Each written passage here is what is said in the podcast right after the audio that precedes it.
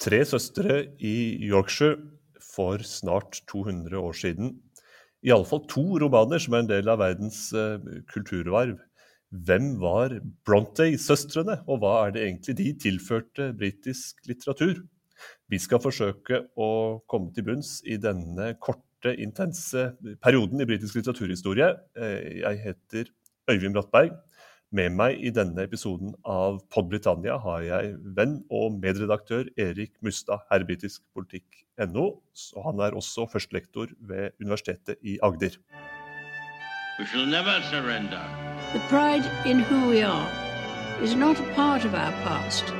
It defines our present and our future. The people of Scotland have spoken. England, Scotland, Wales, Northern Ireland, together taking us forward, unleashing the potential of the whole country.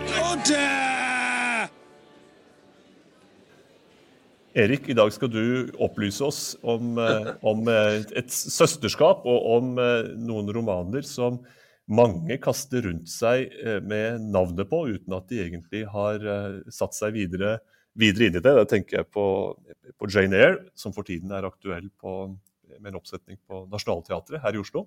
Og på 'Wuthering Heights', som eh, de to romanene er da skrevet av henholdsvis Charlotte og Emily Bronte. Ta oss inn i denne familiens uh, bakteppe og ramme i, i Yorkshire. Hvem, hvem, hvem, var de, og hvor kom de fra? Og hvor har de dette besynderlige etternavnet fra? Kan du kanskje si noe om fra her, her ved begynnelsen? Ja, eh, Bronte-søstrene levde jo i eh, Yorkshire, i en by som, het, eh, som enda heter Howarth i West Riding i Yorkshire.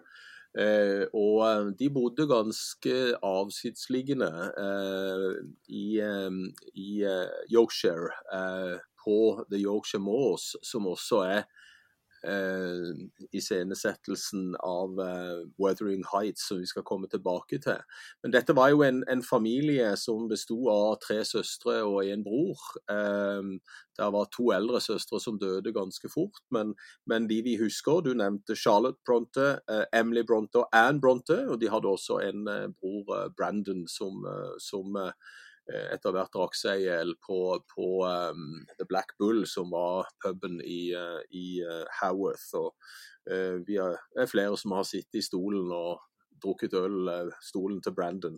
Han hadde en egen stol på denne puben. Men dette, dette, var jo en familie som var veldig leseorientert. De var veldig orientert mot de gamle klassikerne. fra antikken. Eh, de hadde en far som reiste mye, og som eh, brakte hjem eh, tekster fra, fra, fra antikken, fra Shakespeare-tida. De var veldig aktive i kreativ skriving, og de leste historier for hverandre. Så det var vel spesielt denne historiefortellingen som står sterkt i, i Brodde-familien. Dette navnet husker jeg ikke i farten hvor, eh, hvor kom fra. Patrick Bronte heter vel faren, hvis jeg husker uh, riktig? Det stemmer, det. Og han var, uh, han var altså ire og, ja. og Cambridge-utdannet prest. Og så anglifiserte han vel sitt etternavn, eller fornemgjorde det. Jeg vet ikke om det er et, et faktisk begrep, men han, han, han la iallfall om på det, slik at det ble ble familiens eh, etternavn. Og de slo seg da ned på det som er en prestegård ikke sant, i, mm. i Haworth, eh, og, og, som i dag er, er, museum. Her er det du som er den bereiste. Jeg har eh, aldri vært der. Jo da, The Parsonage heter dette, dette, museet da, som var presteboligen i Haworth, hvor de etter hvert flytta inn. Eh, før det så, så, så, hadde de da dette huset på, på The Moor. Eh, men etter hvert så flytta de inn i Howard sentrum, der, der, faren da var prest. Og han reiste jo mye. Og den irske avstamningen er jo interessant fordi at en del av karakterene eh, i eh, bøkene til disse søstrene eh, drar jo mye med seg fra irsk mytologi. Eh, og, og, kanskje han vi skal komme mest inn på senere, nemlig Heathcliff, som er hovedpersonen, eller en av hovedpersonene i, i Uh, Emily Brontes 'Wuthering Heights' uh, fra 1849 Eh, så eh, ja, den irske bakgrunnen har jo vært viktig også. fordi at vi er også da eh, i 1840-årene når disse romanene kommer ut. Og da er vi også midt i den irske hungersnøden. Og Det betyr jo at det er sterke relasjoner til Irland, både i familien og i, i fiksjonen til, til Bronte-familien. Du sier at, eh, at, eh, far reiste mye og tok med mange impulser hjem, så vel som et, et bredt spekter av litteratur. For deres egen del så var de tre søstrene og, og bror Bramwell, som da fulgte tett på hverandre i, i alder, født mellom 1816 og, og 20, de var vel eh, i en mer skjermet oppdragelse. Og, det, de, det, de, utviklet av eh, blomstrende ideer og persongallerier osv., var det så å si næret av, av, eget bryst, eller var det også en del som var erfart av, av eh, de mange mellommenneskelige tematikker som de utpensler senere i romanene? Det var vel mer eh, suget fra, fra, den eh, litteraturen de ble fora med fra faren. De historiene de sjøl opplevde. Samfunnet rundt var de ikke noe veldig stor del av. Etter hvert så ble de det, men, men i ungdomsårene så, så, var de på mange måter litt avsondra fra resten av miljøet i, i Yorkshire. Eh, det ser vi kanskje i romanene også, eh, kanskje spesielt i Wuthering Heights og Jane Eyre. Men det var mange impulser som, som kom gjennom faren. og så utvikla de da egne historier ved hjelp av disse impulsene. Og det var mye lesing, det var mye høytlesning i familien.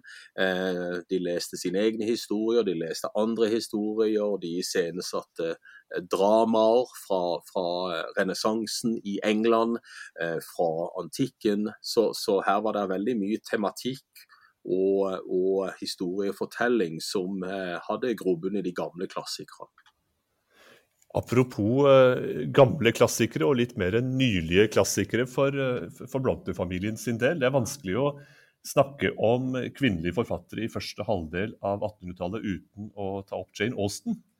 Nå mm. var jo Bronte-søstrene eh, en generasjon etter Austen omtrent, men det tok jo noe tid før hennes romaner fikk eh, faktisk gjennomslag og, og, anerkjennelse. Er det åpenbare relasjoner mellom den store Jane Austen og det som Bronte-søstrene noen tiår senere skulle, selv skulle skrive? Ja, og de skrev jo alle under mannlige pseudonymer. Alice Acton og Cura Bell var de tre eh, navnene som søstrene hadde. Eh, og eh, mye av skal vi si, dramaturgien, kanskje, i, i romanene til Bronte-søstrene var jo også preg at de kjente Jane Austens Pride and Prejudice, Sense and Sensibility, kanskje ikke minst Mansfield Park. Kvinneskikkelser i Austin ser man kanskje modifisert og endra litt i en del av Bronte-søstrenes romaner, kanskje spesielt Jane i Jane Eyre. Eh, så det er en del fellestrekk eh, mellom Jane Austen og, eh, og Bronte-søstrene. Det, det klare viktorianske kommer nok klarere frem i Bronte-søstrene fordi at vi er en generasjon senere, med klasse, med industri, eh, med rikdom, folk som har slått seg opp eh, gjennom den industrielle revolusjonen.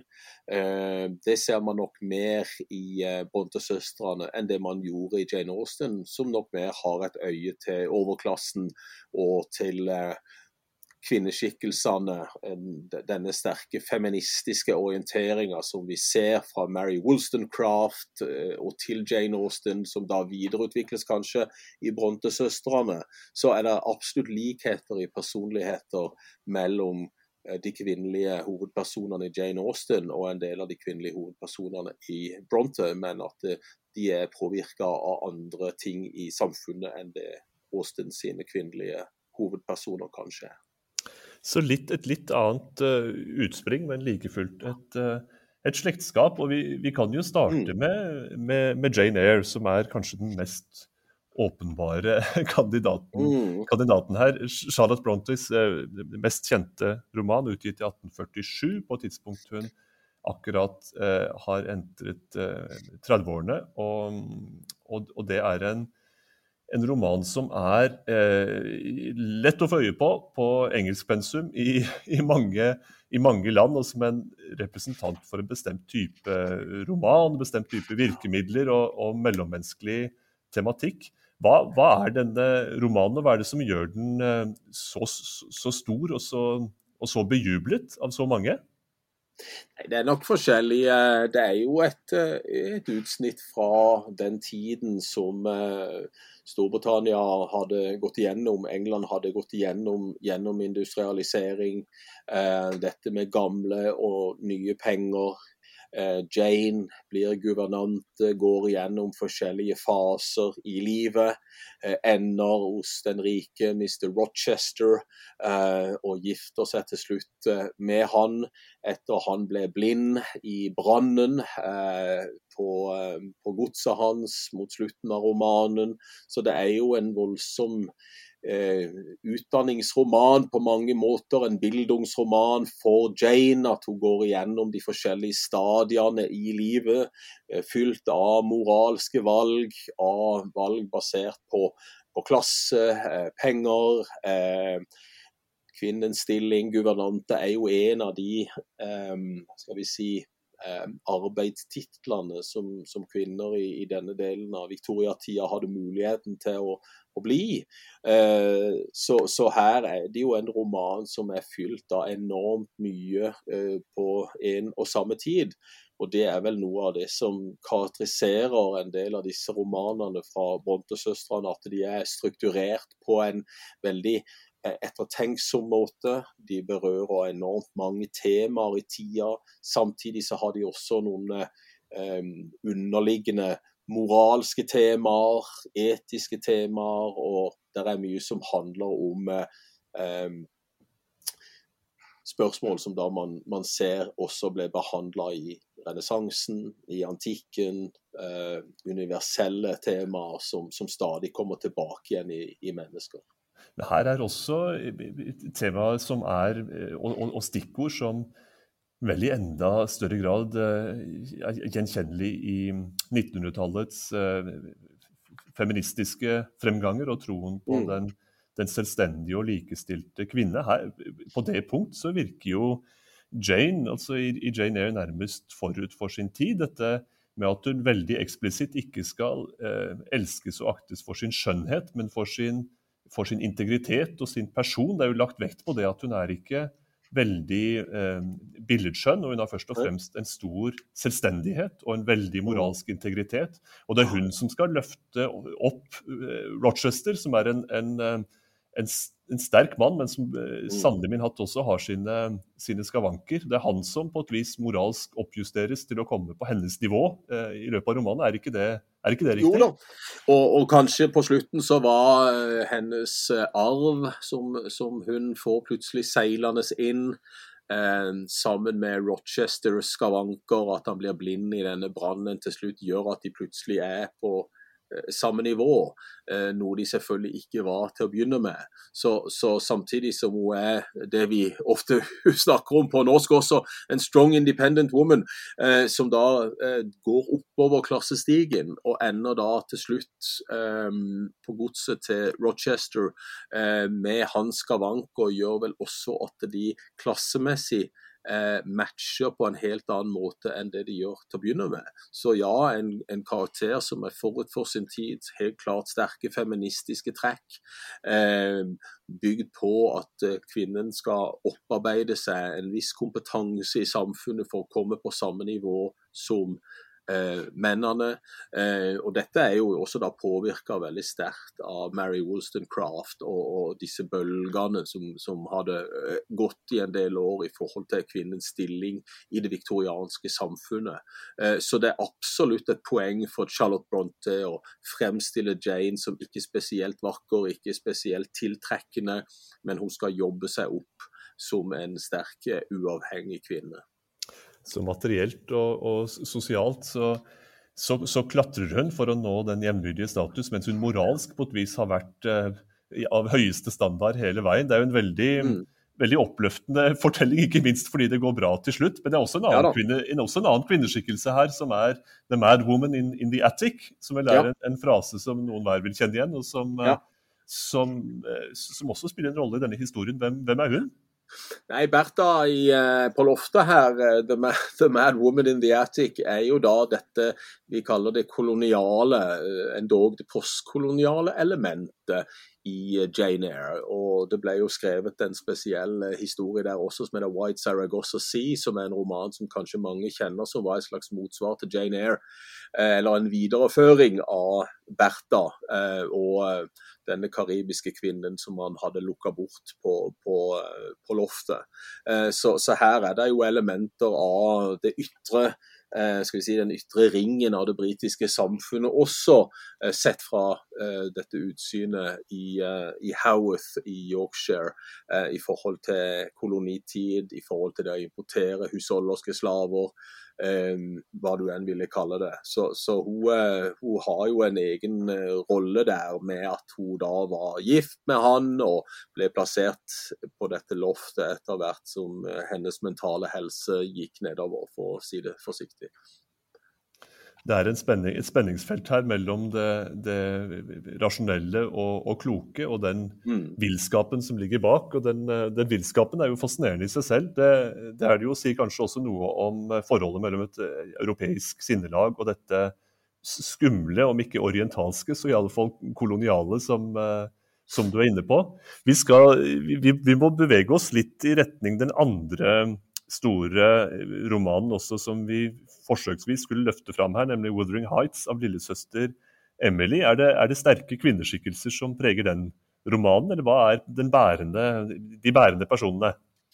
Ja, altså Catherine og Heathcliff er jo eh, eh, to skikkelser som selvfølgelig har blitt omtalt mye i litteraturhistorien. Dette var den eneste romanen til, eh, til Emily.